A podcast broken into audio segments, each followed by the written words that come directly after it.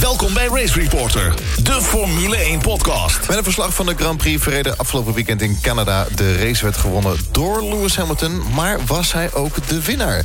Dat is de grote vraag. Mijn naam is Lucas Degen en ik zit hier met Jeroen Scholte, Jeroen Demmerdaal en Charles Jalving. Heren, stel je even voor. Ja, ik ben uh, Charles Jalving, marketingmanager. Uh, wat ik altijd zeg, motorsportavonturier. Ik doe meerdere dingen in de motorsport. Uh, onder andere doe ik een stukje fotografie vanuit passie. En uh, nou, ook op Twitter uh, probeer ik wel eens mijn mening te geven over de dingen die gebeuren in de wereld van de autosport. Ja, en ik ben Jeroen Demmendaal. Uh, al bijna 30 jaar fanatiek autosportliefhebber. En schrijver van verhalen over moderne racehelden als Toto Wolff, als Lance Stroll, Rinus VK. Maar natuurlijk ook all-time favoriet als Flavio Briatore en Rudolf Caricciola. Um, en in die hoedanigheid kun je me ook uh, volgen op Twitter en op Medium. En ik ben tot slot Jeroen Scholten, racefanaat sinds de jaren 80, sinds Monaco 84. Bekend op Twitter als Jimmy Mana. Ik wil even vijf seconden stilte.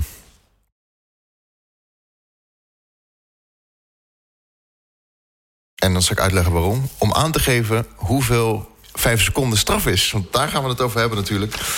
Zouden we niet gewoon een minuut stilte moeten doen? Ja. Gewoon puur het feit dat de, de racerij, zoals die ooit bedoeld is... eigenlijk een beetje is uitgestorven ja. op dit moment. Ja, goed. Het, uh, Vettel die uh, lag aan de leiding... werd uh, flink onder druk gezet door Lewis Hamilton. Vettel verremde zich, kwam in het gras en terug de baan op. En dat vond men dat hij dat op een onveilige manier deed. Kreeg daarvoor vijf seconden straf... tot groot ongenoegen van onder andere Mario Andretti... Nigel Mansell en andere rijders. Wie, wie, wil, hem, wie wil hem aftrappen? Nou ja, goed, ik kan wel beginnen. Kijk, twee weken geleden hè, zaten we hier... en toen praten we over overregulering... en over het dichttimmeren van de sport met regeltjes. En nu heeft iedereen het erover. Dat is op zich ook wel mooi. Um, een wijs man, uh, dat was mijn vader, die zei mij ooit... je moet handelen volgens de geest van de wet... en niet volgens de letter van de wet. Um, en ik denk dat dat hierbij bij de kwestie Vettel-Hamilton zeker van toepassing is. Uh, ik las vanochtend uh, op autosport.com een hele uitgebreide analyse... dat men zou ge gekeken hebben naar de tweede stuurbeweging van Vettel. Um, en kijk, als stewards kun je natuurlijk eindeloze herhalingen bekijken. Uh, maar op de baan is het, heel, is het heel anders. Het is een split-second sportmoment. En ja, wat er gisteren gebeurde was natuurlijk een veel te klinische kijk uh, op, op, die, op, op wat daar gebeurde. Volgens de letter van de wet, ja, natuurlijk is dit correct. Was dit een penalty? Maar in de echte wereld is dit waanzin. En is dit gewoon niet uit te leggen. Ik vind sowieso, als je beelden gaat terugkijken... en je ziet heel vaak dat ze die dan in slow motion gaan doen... en dan kunnen ze frame voor frame kunnen ze elke beweging zien. Uh, zo zag ik ook eerst die, die crash op IndyCar bijvoorbeeld... Uh, bij Takuma Sato, die pitstop. dacht ik, oh, dat valt wel mee. Maar als je het real-time ziet, dan zie je in één keer hoe hard het gaat... en wat een klap iemand maakt. En hetzelfde geldt bij Vettel. Het moment van dat hij eraf gaat, totdat hij weer terugkomt op de baan... dat gaat misschien over uh, een seconde, anderhalf seconde of zo. En als je ziet hoe snel hij beweegt om die auto weer in het gereel te krijgen... en wanneer hij pas tijd heeft om te kijken... ja, dat is natuurlijk belachelijk dat je hem daarop gaat afrekenen... dat hij geen ruimte meer laat voor Hamilton. Ja, dat klopt, want het is zoals Button ook al keurig zijn, zijn analyse. Hij stuurt alleen naar rechts om het overstuur te, te corrigeren en meer niet. Hij stuurt niet naar rechts om, uh, om, om, uh, om Hamilton te blokkeren. Dus uh, daar gaat het gewoon mis. Daar hoor je geen straf voor uit te delen. En ondertussen, wat het belangrijkste is waarvoor je geen straf hoort uit te delen... is dat de hele Formule 1 uh, society over elkaar heen valt. Alle fans zijn het ermee oneens. En nou ja, als je wil dat de, de Formule 1 meer kijkers gaat trekken... en meer fans gaat trekken... is dit natuurlijk het allerslechtste wat had kunnen gebeuren. Maar misschien wel leuk om meteen even een van de vragen van de luisteraars erbij te pakken.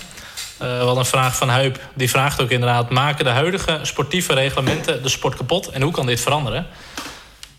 Um, ja, ik denk dat ik voor ons uh, alles spreek... als ik denk dat de sport zeker kapot maakt. Want vooral voor de fans is het gewoon niet meer begrijpbaar... Uh, wat er gebeurt op de baan. Je kijkt uh, racen, je wil dat, ze, dat, er, dat actie op de baan is... Dat er, dat er dingen gebeuren, dat ze bij elkaar in de buurt komen... En dan uh, vervolgens komt er weer een penalty... waardoor eigenlijk de nummer 1 die over de finish komt... uiteindelijk toch weer nummer 2 is. Maar goed, dan is de vraag, hoe kan dit veranderen? Door voor dit soort raceongevallen gewoon niet meer in te grijpen. En uh, er zijn in het verleden situaties geweest... waarin je kan zeggen van ja... Daar verdient de rijder wel een beetje een 5 seconden penalty. Daar kan ik me iets bij voorstellen. Maar die grens is vaak zo dun, want vandaag werd ook op internet uh, het incident met Verstappen tussen, tussen, tussen Verstappen en Rijkoon op Suzuka aangehaald. En dat is een weer een iets andere situatie. Omdat Verstappen daar niet echt de controle over de auto kwijt is. Zoals Vettel nu wel. Verstappen die heeft wat meer dat hij echt bewust naar Rijkonen toestuurt. Dan Vettel die echt probeert te corrigeren. Maar die lijn is ontzettend dun. En heel, heel erg moeilijk natuurlijk uit te leggen aan, aan, aan gewoon aan Formule 1-fans. Dat is bijna niet te zien. Dus voor dit soort race-incidenten waarbij, geen, eh, waarbij niemand eh, drie keer over de kop tolt en eh, allerlei schade rijdt. Dat, dat, in principe zou je het gewoon moeten laten gaan. Dit is racen, jongens. En daar gaan wel eens dingen mis. En soms heb je een bumpertje tegen een voorwieltje. Maar dat maakt allemaal niet uit. Dit is racen, daar gaat het om. Blijf er vanaf. Ja, het punt is natuurlijk ook dat die auto's inmiddels... die auto's zijn natuurlijk en die, en eh, zijn inmiddels sterk genoeg. Hè, de circuits zijn veilig genoeg. Dus ik denk ook dat je best een beetje meer vrijheid toe kunt laten. Um, dat is ook iets wat volgens mij Toto Wolf gisteren... Die, die zei al richting de, de reglementen discussies over 2021... dat dit echt iets is wat, wat aangepakt moet worden. Um, en dan is er nog een ander ding. Kijk, het punt is ook natuurlijk dat de Formule 1... iedere race een andere drivers representative als steward heeft. Uh, geen vaste steward. En dan, weet je, dan, dan voeg je natuurlijk ook die willekeur. Als je kijkt bijvoorbeeld naar de IndyCars... Uh, Arie Luijendijk en Max uh, Pappies... die zij zitten daar iedere race als vaste steward. En dan krijg je dus ook consistentie in die beslissingen. En nu weet je het niet. Want wat je zegt, Verstappen versus Rijkonen, ja, dat was wel een penalty. Uh, Hamilton versus Ricciardo in Monaco een paar jaar terug. Ja, precies. Dat was dan weer geen, dat, dat was dan weer geen penalty. Dus weet je, er is geen touw aan vast te knopen. Was dat niet dezelfde race uh, control? Ja, dat was, ook, dat was ook Emanuele Piro, ja. ja. Maar toen was eigenlijk Hamilton alweer op de baan. En sleut, sleut, of sloot hij daarna het gat, zeg maar, pas. Maar bij, die, bij Vettel was het eigenlijk een direct gevolg nog... in de lijn van het feit dat hij van de baan afraakt, zeg maar. Maar wat ik zelf dan wel weer een beetje hypocriet vind van de Formule 1... is dat ze op een gegeven moment wel op Twitter weer lopen te promoten... met, uh, volgens mij was het Perez met Hulkenberg... die in bocht 1 elkaar raakte. Nou, dat is ook wat je wil zien. En dan tweeten ze weer van uh, Robin is racing en dat is allemaal fantastisch. En dat zag je ook natuurlijk in uh, Brazilië met Ocon dat ze dat moment dat Max hem een, een, duwtje gaf... dat vinden ze allemaal heel mooi om toch wel te gaan gebruiken voor de promotie. Ja, maar dat is Formule 1 en de andere is VIA natuurlijk, hè? Nee, tuurlijk. Maar dat strookt niet met elkaar. Nee, en voor de fans, er wordt je iets voorgeschoteld in een promo... dat het allemaal mag en uh, superveel actie en duwen en trekken. Maar in de praktijk, als je ook maar één misstap begaat... dan uh, zit je meteen op de strafbank. Nou, ik denk dat het eigenlijk op dit moment is het probleem... dat we een beetje... de afgelopen race was, waren een beetje saai, um, vind ik... En um, nou, in Monaco hebben we vijf seconden straf gehad. En nu weer. Ik denk dat dat ook meespeelt natuurlijk. De emotie van eindelijk weer Vettel vooraan. Weer een pol. Leuk. Ik denk dat als dat dat ook wel meer meespeelt dan ja, maar er was, straf. Er, er, was ook een gevecht gaande natuurlijk. Hè? Want Hamilton zat natuurlijk constant dicht achter Vettel in die DRS-zone. Dus je had daadwerkelijk een gevecht tussen die twee campanen. Ik wil, het is ja. misschien een beetje gechargeerd, maar dit is wel de Prost Senna van onze, van onze tijd. Um, en als je dan ziet hoe die op die manier nu achter de groene tafel vandaan, hoe die Um, hoe die strijd gewoon vernietigd wordt. Ja, ik denk dat mensen daar gewoon moe van worden. En bo bovendien, als de hele racewereld, hè, inclusief legenden als Mario Andretti en Nigel Mansell tegen je zeggen: jongens, jullie hebben dit verkeerd gezien. Volgens mij moet je dan gewoon naar huis en je, en je huiswerk opnieuw doen. Maar waar ik verder niemand over heb gehoord, en dat vind ik wel bijzonder, is dat Vettel weer op een cruciaal punt gewoon een fout ja, maakt. Ja. En tuurlijk, je kan wel zeggen, ja, als Vettel die fout niet had gemaakt, dan had het ook nooit gebeurd. Dus het is, weet je, had het niet moeten doen. Nee, maar goed, dat is racen. Maar het fout dat Vettel weer vanaf een goede positie een fout maakt, wat je natuurlijk in Hockenheim zag, maar op zoveel meer momenten. Dat vind ik wel, wel bijzonder. Want zo bijzonder onder druk zat hij nou ook niet van Hamilton. En waar, een hele, hele aparte bocht ook. Nee, maar dit is ook uh, vintage Vettel, zeg maar. Hè. Ik bedoel, op zaterdag is hij, eigenlijk, uh, is hij eigenlijk briljant. Hè, want hij zet echt een geweldige pole position neer. En op zondag rijdt hij, uh, rijdt hij, rijdt hij leuk door. Maar wordt hij onder, onder druk gezet. En gaat hij weer in de fout. En Hamilton weet dat. Hamilton weet inmiddels dat als hij Vettel maar genoeg onder druk zet... dan gaat hij vroeg of laat weer in de fout. De, de, de strijd tussen Hamilton en Vettel is in mijn ogen absoluut niet meer gelijk. Want Hamilton weet dat hij Vettel eigenlijk in zijn achterzak heeft zitten. Dit is de zoveelste keer. Ja. ja. Maar had het Hamilton gesierd, en dan pak ik even de, de luisteraarsvraag van RB erbij... zal er ooit een coureur komen die niet op deze manier wil winnen en de zege weigert? Wat was gebeurd als Hamilton nee, van zijn gas af was gegaan? Nee. En gewoon had gezegd, jongens, dit is niet hoe we gaan racen met elkaar. Nee, had dat het is hem... niet meer. Dat nee, dat vroeger, niet. vroeger wel. Hebben we vroeger wel Het had hem wel gesierd, denk ik. Maar goed, dat kan hij niet maken naar zijn team, naar alle teamleden, et cetera. Nou, er is wel een incident geweest, dat zit ik me te herinneren... tussen, tussen Verstappen en Hamilton een paar jaar geleden in Suzuka. En toen uh, ging uh, Hamilton eraf. En toen uh, was er na afloop uh, nog, een uh, nog een situatie dat, dat Mercedes in, in beroep zou kunnen gaan. Toen heeft Hamilton gezegd van dat gaan we niet doen. Want het was weer dat underbreaking verhaal. Maar hij had zoiets van we laten het erbij en het is zoals het is. Dus Hamilton is wel degelijk daarmee bezig. Maar een, een zegen weigeren... Nee, dat zal hij niet doen, nee. Nee, daar geloof ik ook niet zo van. Hij staat zo ver vooraan in het kampioenschap. Het had hem zeker gesierd als hij deze toch had gegund. Eigenlijk aan Vettel, maar nog meer gewoon aan de racerij in de Formule 1. Ja, maar ik denk eerlijk gezegd, ik denk dat, dat ook dat volgens de reglementen niet eens toegestaan is. De, de uitslag zoals die nu is, die staat vast. Hè? Want ik wil, Ferrari is dan nu in beroep gegaan tegen die 5 eh, seconden penalty. Ondanks het feit dat je volgens de reglementen helemaal niet in beroep kunt gaan tegen een 5 seconden penalty. Uh, maar goed, dat doen ze natuurlijk ook wel een beetje slim, een beetje voor de bühne. Uh, ze zenden natuurlijk ook gewoon een signaal. Maar ik denk dat zelfs als Hamilton had gezegd, ik wil die overwinning niet. Um, dan had hij hem toch gewoon gekregen. Zelfs als je een gat van vijf seconden laat vallen. Oh, op die manier, ja, dat had hij eventueel nog wel kunnen doen. Ja. Maar weet je, op het moment dat jij over de nou, finish komt... Leclerc staat er vlak achter, hè? want Leclerc hadden ze niet verteld... dat Vettel een 5 seconden straf had gehad. Vettel is uiteindelijk op 6 seconden, geloof ik, van, uh, van, Hamilton, uh, of van uh, Vettel gefinished. 6,5 seconden. Dus, dus zover kon Hamilton zichzelf niet terug laten vallen. Maar dat vind ik nog veel kwalijker inderdaad. Volgens mij was het Binotto zelf die had aangegeven van... joh, we hebben eigenlijk te veel aandacht op Vettel gehad aan de pitmuur. En we zijn vergeten aan Leclerc te vertellen dat Vettel een 5 seconden penalty had. Leclerc was al aan het stampen, maar die zat op een gegeven moment toch met penalty van Vettel uh, op een seconde zo'n beetje. Ja, dat lijkt mij als Leclerc weer een race... dat je eigenlijk toch een beetje wordt genaaid door het team. En dat lijkt me niet heel fijn voor zijn gevoel binnen Ferrari. Ja, dat weet ik niet. Kijk, het punt is natuurlijk ook dat Ferrari er ook baat bij had... dat als Leclerc eventueel aan het stampen is... en vervolgens, hè, om, omdat Hamilton een fout maakt... vervolgens ook Hamilton voorbij steekt... kijk, dan kan hij vervolgens als een buffer werken. Dus ik denk dat het strategisch en tactisch gezien... misschien wel handig is om het Leclerc niet te vertellen... en gewoon Leclerc te laten stampen voor wat hij waard is. Maar Leclerc is toch eigenlijk de belangrijkste man binnen Ferrari inmiddels. Tuurlijk is hij dat. Want Tuurlijk. Maranello heeft toch ook, uh, op Maranello hebben ze toch ook gezien dat Vettel dat niet gaat doen. Vettel gaat die wereldtitel niet binnenslepen. Uiteindelijk hebben ze vorig jaar besloten om Rijkonen weg te sturen, om Leclerc erin te zetten. En dat is puur gericht op de toekomst. Niet op dit jaar. Dit seizoen mag hij gewoon leren. Maar het gaat om de toekomst. Om wat er na 2019 gaat gebeuren. Dan moet Leclerc het overnemen. Zij hebben het vertrouwen in hem. En voor de rest is er uh, geen, geen kopman voorhanden die ze zouden kunnen overnemen overnemen. Want je hebt eigenlijk alleen Hamilton en Verstappen en die gaan niet komen.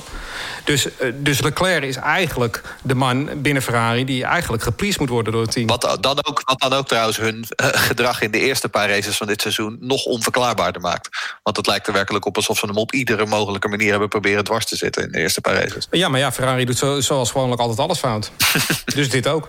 Ik wil het toch nog even hebben over Vettel en, eh, en, en Lewis. Ik heb aantekeningen gemaakt gisteren. Uh, dat was heel... heel goed, Lucas. emoties. Ik was zo kwaad, maar ik denk, ik, ik, ga dat allemaal niet meer zo bespreken nu. Maar wat vonden jullie van de gesten, of we zeggen dat, dat Lewis uh, Vettel op het uh, hoogste podium trok? Ja, menings, ja, meningsloos. Ik, meningsloos. Ja, ja, vind ik ook. Ja. Wat ik veel toffer vond, was het, wat, ik, wat veel toffer was, was natuurlijk dat Vettel in eerste instantie gewoon zijn auto aan het begin van de pitstraat parkeerde. En gewoon in eerste instantie dacht ik echt van hij gaat gewoon dat podium laten, links laten liggen. Nou, uiteindelijk uh, dook, dook, hij toch wel op. Dat was een beetje jammer. Maar ik bedoel, ik bedoel die, wissel, die wisseltruc met de bordjes. Ik bedoel, weet je, dat, dat beeld dat gaat nog 20, 30, 40 jaar de, de wereld over. Dus ja, nou, ja daar stelde Daniel nog een vraag over, inderdaad.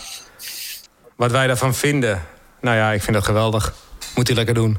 Ja. Lekker kinderachtig, heerlijk. Ja, Daniel vroeg ook, of Daniel vraagt ook, denken jullie dat het verwisselen van die bordjes nog een vervolg gaat krijgen? Nou ja, ik schreef gisteravond al op Twitter, al krijgt hij er een miljoen dollar boete voor, dan nog denk ik dat het het waard is. Sowieso, die boetes voor die gasten gaan nergens over. Dan heb je dan nee. twee, uh, 2000 euro, 5000 euro, soms nog minder. Uh, met hun lifestyle en hun inkomen lijkt me dat niet heel spannend. Maar nog even terug naar het incident. Als, uh, ik vind zelf dat Lewis er te uh, agressief indook. Als je, je weet de rijder voor je, die is in de problemen, komt van het gras af... dan ga je daar niet tussen muur en auto tussendoor duiken. Dat deed hij ook toen in Spanje 2016... toen hij zag dat Rosberg in de problemen kwam. Ja, Rosberg gooide terwijl het gat dicht... met alle gevolgen van dien. Het interessante is overigens dat Nico Rosberg vanmiddag zei... dat het, de penalty voor Vettel fully deserved was. Waarmee hij ongeveer de enige voormalige Formule 1-coureur was die dat vond. dat vond ik wel ook alweer aardig. En ook wel heel tekenend. Ontzettend on-brand voor Nico Rosberg. Uh, ja, maar Rosberg is tegen Vettel altijd heel kritisch. Ja, Over Vettel Rosberg, is hij heel en, erg kritisch. En Rosberg, als je laatst die podcast, uh, ja, als je die podcast met, uh, met, over Ricciardo beluistert van hem... is hij ook heel erg kritisch op Vettel. Ja, en Rosberg was natuurlijk ook op de baan zelf altijd een beetje een lulletje theewater. Dus in die zin, ik snap wel dat hij het... die vindt dit allemaal prachtig natuurlijk. Want die, denkt, die vindt al die regeltjes, dat vond hij natuurlijk geweldig.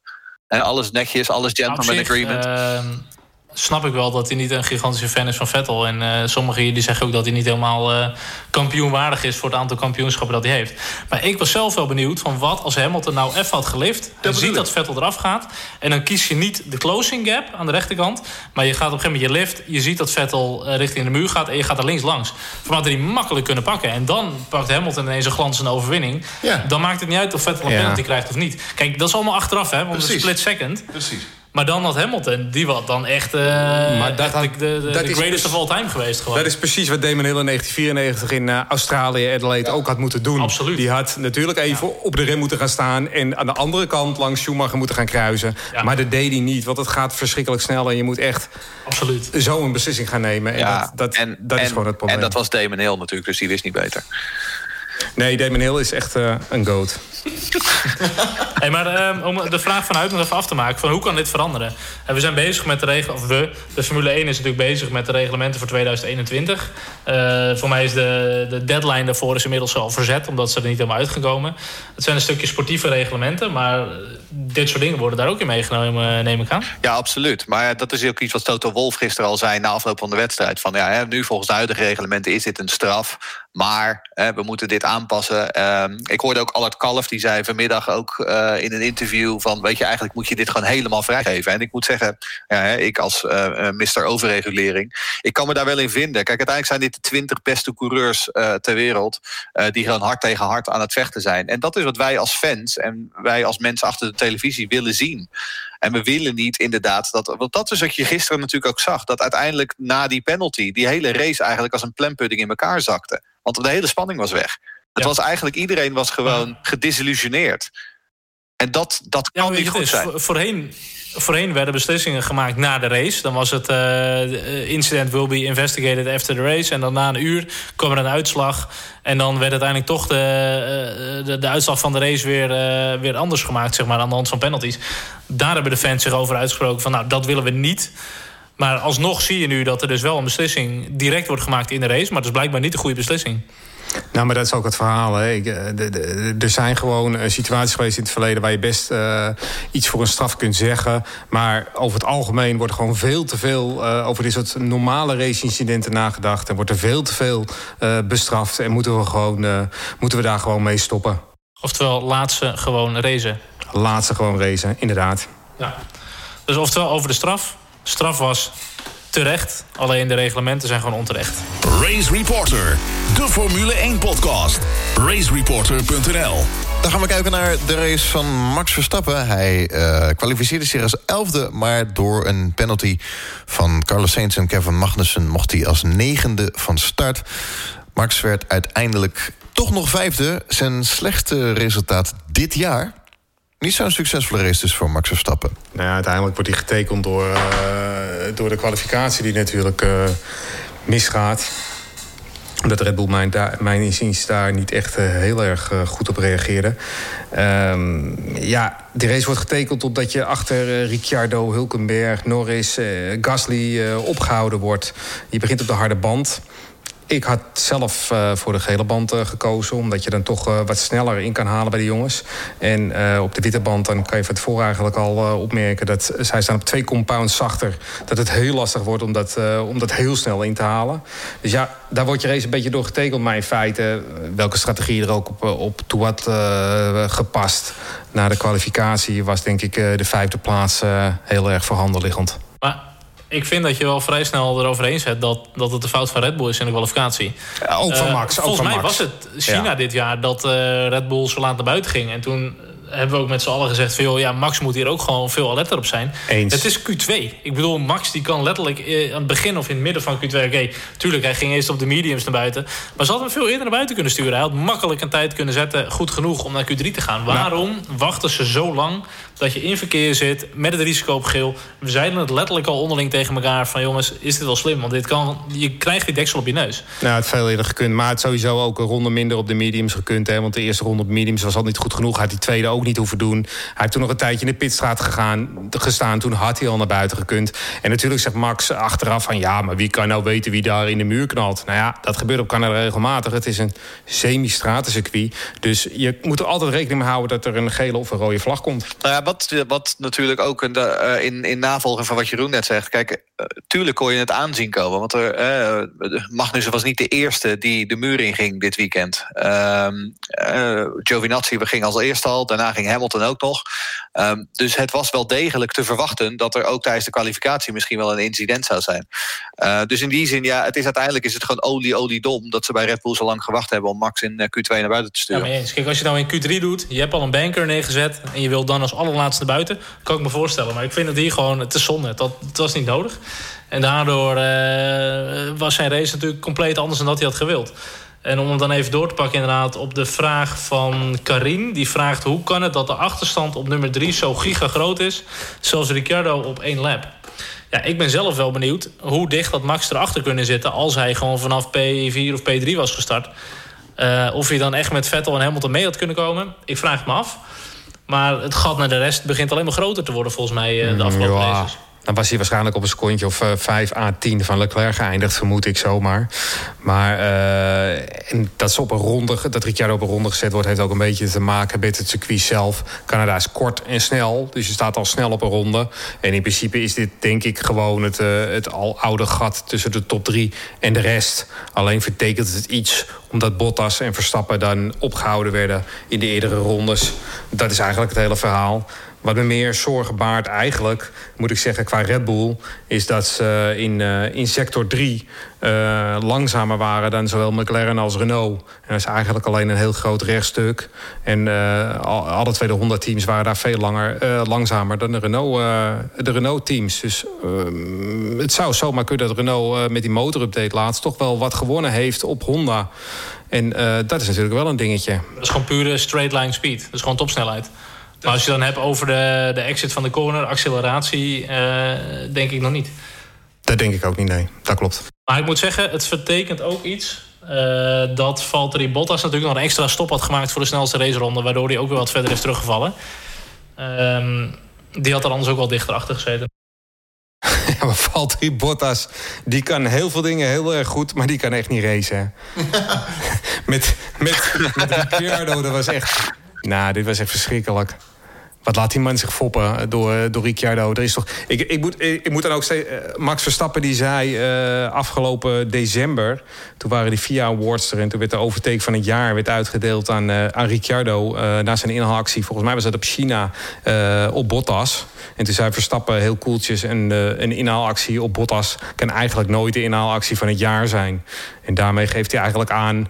ja wat zoals andere rijders over Bottas denken. Leuke vent, snelle vent, maar racen, dat kan hij gewoon niet. En dat was dit weer echt een, een typerend voorbeeld van. Nee, maar sowieso natuurlijk. Bottas had natuurlijk gewoon een waardeloze wedstrijd. Um, ik bedoel, um, hij kwam in, in het begin kwam hij, kwam hij Hulkenberg nauwelijks voorbij. Uh, vervolgens na zijn stop uh, kwam hier Ricciardo nauwelijks voorbij. Uh, kijk, je kunt al wel zeggen dat misschien inderdaad die Renault-motor daadwerkelijk wat ingelopen is op de Mercedes. Hè, dat er inderdaad nu wat meer tempo in zit. Um, maar ja, het was gewoon weer een zwakke wedstrijd. Hè. We kregen een vraag van een van onze lezers: is dit dan nu het einde van Bottas 2.0? Um, nou ja, langzaam maar zeker begint het daar toch wel een beetje op te lijken. Nou ja, goed, als je niet kan racen is echt best wel een probleem voor een autocoureur, denk ik. Race Reporter, de Formule 1-podcast. Met een terugblik op de Grand Prix van Canada... verreden afgelopen weekend op het circuit Gilles Villeneuve. Formule1podcast.nl En wat is verder nog opgevallen tijdens deze Canadese Grand Prix? Ja, wat verder deze race wel tekenend was... was eigenlijk de, de wedergeboorte van Stroll in Canada... Uh, Strolltribune zal denk ik helemaal los zijn gegaan daar zo. Twee punten. Maar ook Gasly die gewoon weer zich van zijn slechtste kant liet zien. Al in de kwalificatie had hij eigenlijk verder naar voren moeten staan voor Ricciardo. Uh, in de race misschien niet de betere strategie startende op de zachtere band. Maar het was wel om te huilen om te zien hoe de jongen weer gewoon presteert... en hoe ver hij wel niet achter Max komt. Ja, ik ben echt benieuwd hoeveel tijd Red Bull hem nog gaat geven. Ja, we hadden natuurlijk ehm, eerder deze week of twee weken terug hadden we al de, de geruchten over dat Hulkenberg eventueel het over zou nemen. Nou, in eerste instantie werd dat de wereld ingeholpen door een uh, een of andere Italiaanse vlierenfluiter, die zichzelf journalist noemt. Um, maar langzaam maar zeker. Het werd wel interessant toen uh, Helmut Marco ernaar gevraagd werd. En die zei vervolgens in de internationale pers. Nou, ik kreeg een telefoontje van Gasly. En die heb ik vervolgens uitgelegd dat het onzin was. En dat vond ik dan wel weer heel tekenend. Want het feit dat Marco zoiets uh, naar buiten brengt. Um, dat is wel een aardige inkijk in uh, de mentale stabiliteit van uh, vriend Gasly op dit moment. Die heeft dus blijkbaar dat verhaal gelezen en dacht: oh, maar misschien is dit wel waar. Dat geeft denk ik ook wel een beetje aan dat Gasly ook niet lekker in zijn vel zit op dit moment. En dat Marco door dat verhaal naar buiten te brengen, die zet ook wel een beetje extra druk weer op Gasly. Ja, de grote redding van Gasly is gewoon dat uh, Toro Rosso op dit moment niet echt coureurs heeft die je nou 1, 2, 3 in een Red Bull kan zetten. Je zou het met Fiat kunnen proberen. Maar ja, dat hebben ze alles gedaan. En ik weet niet of ze dat nog een keertje bereid zijn te doen. Albon is er nog niet klaar voor. En uh, daarbij heb je dan bij Toro Rosso weer een probleem. Dat wilden ze misschien eventueel nog oplossen met Patricio Ward vanuit de IndyCars die dan uh, overkomt. Heeft het maar ook ja, niet echt lekker gedaan de afgelopen tijd, volgens mij? Nee, die heeft het ook niet echt. Maar die zit ook bij Carling niet echt uh, bij het uh, allerbeste team daar. Maar ze hebben zich ook verkeken op die licentiepunten. Want wat ik begrepen heb, ze hadden eigenlijk gedacht dat hij door die Indy Lights titel te winnen twee jaar geleden, dat hij daardoor genoeg licentiepunten zou hebben. En dat blijkt dus niet zo te zijn. En dus is Award ook niet. Al, al schuif je via door. Je kan Award niet inzetten bij de Toro Rosso. Dus je hebt daar toch een, een probleem. Maar goed, dat heeft er dus mee te maken dat de Formule 1 met een nieuwe licentiesysteem... Uh, de Formule 2 is natuurlijk de opstapklasse... en die verdient volgens mij evenveel punten, de kampioen... als de kampioen in de IndyCar. Ja. Waarmee de Indy Lights eigenlijk op gelijke hoogte wordt gezet... als met de Formule 3. Ja, en dat is natuurlijk eigenlijk niet helemaal fair. Uh, dan hebben we natuurlijk al aardig wat discussies gehad... over de kwaliteit in de IndyCar... vergeleken met uh, de Europese opstapklasses. Maar het lijkt mij dat het daar ook wel redelijk scheef loopt. Ja, maar wat vinden jullie eigenlijk van dat hele puntensysteem dan? Uh, al het hele licentieverhaal wat helemaal veranderd is sinds Verstappen daar is? Een aantal jaar geleden, ik weet niet of een van jullie dat gelezen heeft... maar ik heb daar toen een verhaal over geschreven... naar aanleiding van de Verstappen-affaire. Um, dat het, het was een oplossing die op zoek was uh, naar een probleem. Uh, want het punt is namelijk, uiteindelijk heeft, is gebleken dat uh, het feit dat Verstappen op zijn 17 in een auto werd gezet, dat dat helemaal geen probleem was. Uh, er werd ook gezeurd in de tijd dat Button in zijn auto ging zitten, in de tijd dat Alonso in die auto ging zitten, in de tijd dat Raikkonen in die auto ging zitten. En die hebben het uiteindelijk allemaal prima gedaan. Weet je, de Formule 1 teams hebben een prima track record als het gaat om het selecteren van jonge, talentvolle rijders. Dus ik denk dat je het helemaal niet nodig hebt. En als je kijkt naar de huidige punten, ja, het feit dat de nummer drie van de Formule 2 net zoveel punten krijgt als de kampioen van de IndyCar. Dat is natuurlijk totale waanzin. Ja, maar toch, toch zijn er nog, want, uh, toch zijn daar de meningen nog wel verschillend over. Want uh, bijvoorbeeld Lewis Hamilton, die had eerder deze week een akkefietje met, uh, met Lennon Norris in de persconferentie. Want er werd hem gevraagd wat hij er dan van vindt dat Norris zo jong is. En daar reageerde hij dan op door te zeggen van ja, fysiek zou het eigenlijk allemaal niet moeten kunnen op die leeftijd. Maar de auto's zijn zo makkelijk en soepel te besturen dat het allemaal zo kan. Waarop Norris heel gevat antwoordde, nou dan zet je toch lekker je stuurbekrachtiging af als jij zo graag uh, uh, een zwaardere raceklasse wil rijden. Maar daar zit toch nog wel wat in. Er zijn heel veel mensen die vinden dat tieners eigenlijk nog niet in de Formule 1 thuis horen. Ik denk dat die regel ook meer bedoeld is voor de, de Strolls en de Mazepins van deze wereld. En niet voor de Verstappers en de, de Norrissen, zeg maar. De jongens die echt talent hebben, die komen vanzelf bovendrijven. En die komen met dit puntsysteem er toch wel. Um, en, en een Mazepin die zich nu wil inkopen bij bijvoorbeeld een Toro Rosso. Um, ja, die gaan er gewoon niet komen in het aantal punten. En Stroll had er eigenlijk ook nooit moeten komen. Ja, maar dit heeft de Formule 3 gewonnen, hè, Stroll? Dus daar ja. pak je al heel veel punten mee. Hey, tuurlijk, dus je kan het tot, tot een deel wel kopen. Maar op een gegeven moment, als je dan naar de Formule 2 gaat... dan zou het gewoon op een gegeven moment moet het niet meer kunnen. Maar het is natuurlijk ook wel zo. Kijk, in het verleden uh, hadden we nog types als Mazakan en Ricardo Rosset achter het stuur. Uh, kijk, zo erg is het inmiddels natuurlijk ook gewoon niet meer. Uh, ik bedoel, wat denk net wat Jeroen zegt, zelfs een Stroll heeft gewoon een Europese Formule 3-titel gewonnen. En dan kun je zeggen, ja, want zijn, pa, zijn papa had uh, geld, had een aandeel gekocht in Prema en zorgde ervoor dat hij het beste materiaal kreeg. En dat uh, Felix Rosenquist als een soort van persoonlijk instructeur werd, werd ingehuurd. Maar je moet ook nog steeds maar wel die titel nou, winnen. En los daarvan, uh, uiteindelijk is het denk ik heel fijn geweest dat Lance Stroll uh, die Formule 3 titel heeft gewonnen en nu in staat is om voor uh, Racing Point te rijden. Want anders waren we het team gewoon kwijt geweest, hè? Want papa Stroll is daardoor ja. met heel veel geld erin gegaan. En die heeft allerlei grote ambitieuze plannen. Hij riep ook dat hij wilde gaan winnen met dit team. Nou ja, prima. Laat mij iemand heel veel geld erin stoppen. Dus wat dat betreft zijn paydrives hebben ook een functie. Nou, ik wil toch nog wel even één klein dingetje over dat Hulkenberg naar Red Bull verhaal. Kijk, wat ik nog wel kan zien gebeuren, en dan gaat het niet dit jaar gebeuren, maar misschien volgend jaar. Um, Kijk, Hulkenberg zit natuurlijk nu bij Renault opeens als een nummer twee. Hij heeft jarenlang, we hebben het hier al eerder over gehad... Heeft jarenlang heeft hij zich daar uh, het zweet uit de bilnaad gewerkt... om die auto naar voren te brengen. En vervolgens halen ze voor een hoop geld halen ze Ricciardo binnen. En hij is nu de facto gewoon de nummer twee binnen dat team. Dat is het enige scenario waaronder ik zou kunnen zien... dat Hulkenberg zegt, weet je wat, Red Bull, kom met een goed offer en ik ga daar wel naast Max zitten. Maar zou Red Bull dat dan wel moeten willen? Als je ziet dat Ricciardo, die was gewoon echt goed. Maar het laatste jaar kwam je ook al niet met Max mee. Ricciardo zit één jaar bij Renault. En uh, Hulkenberg die delft ook wat onderspit uh, ten opzichte van zijn teamgenoot. Dus ja, dan moet je dat ja, willen. goed punt. Dit is Race Reporter, de Formule 1 podcast. En we hebben het iedere aflevering erover. Ja, uh, deze keer positief. Renault. Nou, dan wil ik dit keer uitnodigen Jeroen S. Om ook misschien een keer over Renault iets positiever te zijn dan dat we normaal zijn. Je kan het. Zet hem op. Ja, Renault, uh, prima resultaat. Uh, vierde in de kwalificatie voor Ricciardo en zesde en zevende uiteindelijk in de race. Uh, vooral wat opviel, wat mij opviel, is dat ze inderdaad heel veel snelheid hebben in sector 3, waar het eigenlijk alleen maar uh, rechtdoor gaan is. Dus blijkbaar hebben ze iets gevonden in die motor.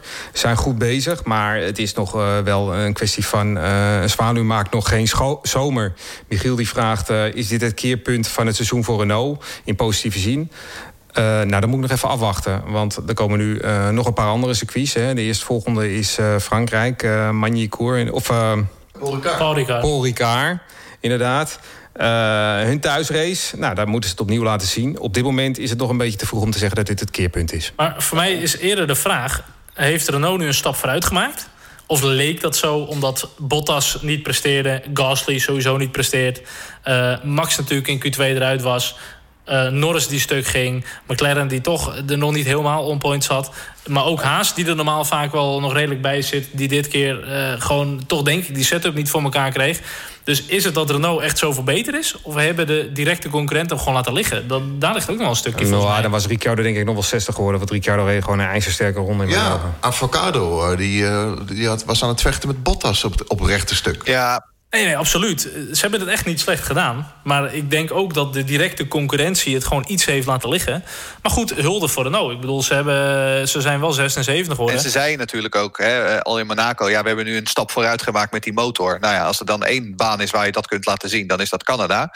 Grote vraag is nu, hè, er wordt nu een groot aerodynamisch pakket be, beloofd... voor de Franse Grand Prix. Nou, gaat dat dan ook zeg maar, op de meer bochtigere banen, uh, zoals Frankrijk, naar uh, Silverstone, uh, gaat dat daar dan ook zo aan de dijk zetten? Dat is de grote vraag inderdaad. Dus ik denk dat wat Jeroen zegt, ja, één zwaluw maakt nog geen zomer. Dat is we moeten het even afwachten. Nou, het is een beetje het omgekeerde verhaal met Red Bull. Hè? Want ik lees op Twitter nu heel veel over Max Verstappen moet weg bij Red Bull. Want dat wordt helemaal niks meer. Maar Red Bull heeft nu een hele slechte race gehad. Maar in Monaco streed hij gewoon nog om de overwinning. Hè?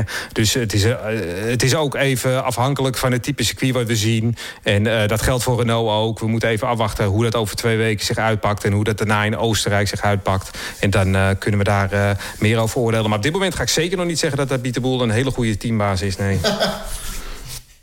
Goed, Vorige keer hebben we al gezegd, uh, Renault was niet zo blij met Haas. Want Haas die koopt letterlijk gewoon de auto, het pakket van Ferrari. Uh, Renault die ontwikkelt alles zelf. Uh, en ik ben eigenlijk wel benieuwd naar Jeroen D. hoe die het drama van Haas deze Grand Prix voor zich ziet. Bij Haas ging natuurlijk het weekend gewoon van kwaad tot erger. Uh, ik bedoel, uh, nou, ze eindigen uiteindelijk 14e en 17e. Maar dat was natuurlijk ook de apotheose van gewoon een waardeloos weekend. Uh, wat mij vooral een beetje, waar ik me zorgen over maak bij Haas... is die stabiele, die instabiliteit bij de rijders. Ik bedoel, als je weer over die boordradio hoort... het was weer een symfonie van gezeik. Eerst Grosjean, die alleen maar loopt te miep over het feit... dat, iemand hem probeert in te halen, van hoe durven ze. Uh, was natuurlijk helemaal niks aan de hand. Toen zei hij van, ja, nee, we moeten dit rapporteren aan de raceleiding. Ja, maar wat, wat valt er te rapporteren dan? Ja, dat je voorbij gereden bent door Perez, dat valt er te rapporteren. Uh, en Vervolgens inderdaad uh, Magnussen die alleen maar ronde na ronde alleen maar loopt te zeiken over het feit dat die auto zo slecht is. En dan zo'n Günther Steiner die gewoon ertussen springt en zegt van... hey jongen, uh, bek dicht en nou trappen met dat kreng. Um, maar ik zou me er wel zorgen over maken als ik haast was... dat je twee van die instabiele jongens achter het stuur hebt zitten. Um, ik zou voor, waarom zou ik vooral voor Grosjean, zou ik volgend seizoen... ik zou daar wel eens Rossi of een Newgarden graag willen zien. Als ik haast was, zou ik daar maar eens contact mee opnemen. Vooral een Rossi, die zo mentaal stabiel is. Uh, met name de laatste paar jaren. Dat lijkt me een mooie. Op zich een Amerikaanse rijder bij een Amerikaans team vanuit de IndyCar. Ik ben er wel eens benieuwd naar. We zien natuurlijk wel eens Formule 1-coureurs naar de IndyCar toe gaan. Die doen het op zich niet slecht. Ik ben echt wel heel erg benieuwd uh, hoe ze het andersom zouden doen. En ook wat hun bevindingen daar, daarin zijn. Wat het verschil is met de IndyCar. Maar het punt is natuurlijk ook dat mensen zeggen van... ja, Rossi, hè, ja, ik kreeg ook een paar vragen via Twitter de afgelopen week. Ja, maar die was toch niet goed genoeg? Ja, maar aan de andere kant, die heeft vijf races in een manner gereden... Uh, waarin die Will Stevens het uh, snot voor de uh, ogen reed. Maar het punt is, we weten dus niet hoe goed Rossi is. Omdat hij, hij, heeft, hij heeft vijf races in die manner gereden. Um, en toen was hij veel sneller dan Will Stevens. Um, maar afgezien daarvan weten we het niet. En hij is de afgelopen jaren in de IndyCar... die zich zo goed ontwikkeld... Uh, dat ik zou hem graag in die haast zien. Ik denk dat hij uh, best nog wel een goede kandidaat zou kunnen zijn in plaats van Grosjean. Toch zijn het veel al jongens die niet als grote talenten gezien werden voordat ze in de Formule 1 kwamen. Maar ja, ik ben het wel met je eens daarin. Oké, okay, dan nog even het verhaal over uh, Kubica en Russell. Heel erg opvallend was het nogal dat uh, Russell uh, heel erg, of eigenlijk redelijk tevreden was over zijn auto na afloop van de race. En Kubica die vond het helemaal niks. En er komt dus ook een vraag uit voort van Liane. Hebben jullie een idee waarom de steeds terugkerende uitspraken van Robert Kubica dat zijn auto vele malen slechter is dan die van Russell consequent door alle media wordt genegeerd, inclusief jullie?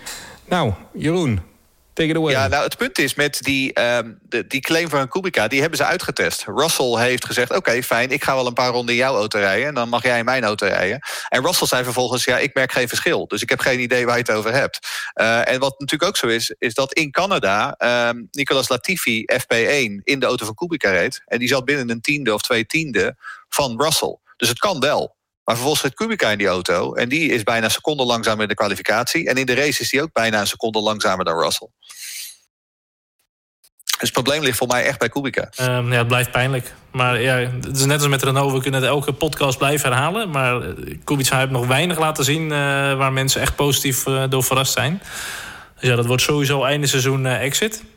En of je het einde van het seizoen gaat halen? Nou, Latifi, hè? Ik, uh, ik zie zomaar Latifi daar. Ik zie eerder uh, Kubica verdwijnen dan Gasly bij Red Bull. Ja, ja. Nee, dat is ja ben ik met je eens. Hey, ze moeten bij Williams die kwestie met die superlicentie voor Latifi oplossen. Uh, het verhaal is dat ze, hè, naar aanleiding van zijn prestaties in de Formule 2 nu... dat ze een soort dispensatie zouden kunnen aanvragen... waardoor hij vroeger zijn superlicentie kan krijgen. Ik denk ergens na de zomer misschien, vanaf België... dat hij er vanaf dan het over kan nemen. Ja, ik zeg het niet graag, want ik was echt een fan van de rentree van Kubica. En ik was daar ook best wel positief over.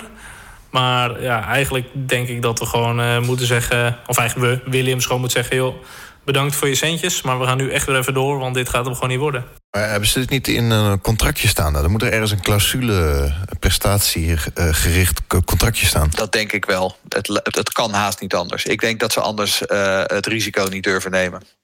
En het punt is, en natuurlijk, je kunt Orlen, uh, dus de Poolse oliemaatschappij, kun je vervangen door de sponsors van Latifi. Ja, en ze twijfelden natuurlijk vorig jaar al heel erg over hem. Hè, toen ze voor Sirotkin kozen. Dus uh, er was al heel veel twijfel over hem. Dus ik kan me bijna niet voorstellen dat er geen prestatieclausules in zijn contract zullen staan. Lijkt me ook. En hij heeft toen volgens mij op de Hungaro-ring getest in 2017 uit mijn hoofd, in 2016. En die hebben toen voor mij zelfs gezegd van... joh, dit, dit gaat hem gewoon niet worden. Hij heeft gewoon niet genoeg snelheid. En toen... Dat was in die Renault, toch? Ja, in de Renault. Sorry, wat zei ik? In Hungaro-ring zei, zei niet welk team. Oh ja, nee, in de Renault inderdaad. En toen heeft Renault uiteindelijk gezegd van... nee, dit, dit gaat hem gewoon niet worden. Die snelheid zit er niet in. En toen is hij zijn heil gaan zoeken bij, bij Williams. Dan heb ik toevallig een van zijn managers uh, gesproken een paar weken geleden. Maar hij kon niet zeggen uh, of er iets van een prestatieclausule in zat in het contract. Maar hij was er inderdaad best wel bang voor van dat hij dit, dit, dit jaar nog gedumpt gaat worden. Ja, er zal altijd wel een bepaalde manier zijn dat je een coureur toch echt wel uh, kan dumpen als het extreem ondermaats is. Nou, het punt is, je ontwikkelt die auto ook niet door op deze manier. Met Russell moet het hele, het hele ontwikkelingswerk nu in zijn eentje doen. Want Kubica draagt daar gewoon niks aan bij. Nee, we hebben Stroll, we hebben Gasly, we lopen over Giovinazzi te mekkeren. Maar Robert Kubica is gewoon de slechtste coureur van het veld op dit moment. Ja, terug. Dat is niet wat we ervan uh, hadden verwacht. Hij zelf waarschijnlijk natuurlijk ook niet. Hebben we verder nog uh, zaken die we willen bespreken? Nou, wat ik zelf wel jammer vind, en dat is misschien om even een bruggetje te slaan naar het feit dat ik komende week naar Le Mans toe ga. Uh, dat er geen huidige Formule 1-coureurs meer zijn die mee gaan doen aan Le Mans. Want dat vond ik zelf altijd wel heel tof. Uh, dat uh, coureurs op een hoog niveau meedoen aan andere raceklasses. Wat je met Alonso wel eens zag natuurlijk. wie heeft er nog meer meegedaan? Grosjean of... Dat was, was nog een uh, Hulkenberg natuurlijk. Hulkenberg. En dat vind ik wel jammer. Uh, dat er geen één Formule 1 coureur is die zijn vrije weekend uh, spendeert in paddock slash auto binnen Le Mans. Ja, eens. Ik heb dat bij DTM ook. Ik vond het fantastisch om Jean Lazy en Hakkinen op Zandvoort te zien racen op DTM. Ja. En Coulthard. Ja, maar dat was na hun Formule 1, dat was na hun Formule 1 carrière. Hè? Dat was niet tussendoor. Nee, oké, maar toch. Nee, maar goed, voor één zag je het wel eens. Uh, ik vind het jammer. Dat laat wel iets zien over de huidige rijders. Ze gaan wel online racen. Maar uh, competitief in een andere serie. Nou ja, ja, je ziet het bijvoorbeeld met de Kubica. Dat liep natuurlijk ook niet helemaal goed af. Was dan wel buiten het raceseizoen. Maar ik weet dat de teams er ook niet heel happig meer op zijn. Maar ik vind het zelf wel, uh, wel een gemis. Want het zijn wel de topcoureurs binnen de Formule 1. Ik vind het mooi om te zien hoe die presteren uh, erbuiten. Nou, dat niet alleen. DTM heeft wel een MotoGP-coureur. Een actieve MotoGP-coureur dit weekend gaat. Hè? Dovizioso deed het ook best aardig. Dus uh, het is absoluut heel leuk. Uh, ik denk dat dat risicodingetje ook wel iets is natuurlijk. Hè? Want Mercedes die zet van de week uh, Lewis Hamilton in zijn korte broek op een motor. Lijkt me ook niet helemaal slim, jongens. Niet helemaal slim. Oeh, die was wel echt heel erg pijnlijk. Was die social media tweet van Hamilton inderdaad in zijn korte broekje op die motor. Zo slecht voorbeeld, zo slecht voorbeeld. Een goed voorbeeld. Ah goed, over, uh, over regulering gesproken. Tom Coronel die aan het livestreamen was met zijn mobiel in zijn hand uh, in de auto tijdens de race, volgens mij. En Santino Ferrucci die nog een keer uh, door een paddock heen reed met een mobiele telefoon. Na, nadat oh, ja. iemand van de baan had gebeukt ook toch, volgens mij. Inderdaad, ja. Goed, tot zover deze podcast over de Grand Prix van Canada. We gaan op naar de volgende Grand Prix. Dat is die van Frankrijk. 23 juni, 10 over 3 de race op het uh, circuit Paul Ricard. De kwalificatie zaterdag 22 juni om 3 uur in de middag. Vrijdag uh, voor de early birds om uh, 11 uur s ochtends al de eerste vrije training. Dit is Race Reporter, de Formule 1 podcast. Jeroen Demmendaal, Jeroen Scholte en Charles. Jalving, mag ik jullie bedanken? Graag gedaan. Ja, graag gedaan. Bedankt voor ons uh, Belgische biertje. Ja, ja ik uh, neem er nog wat Zweedse balletjes bij.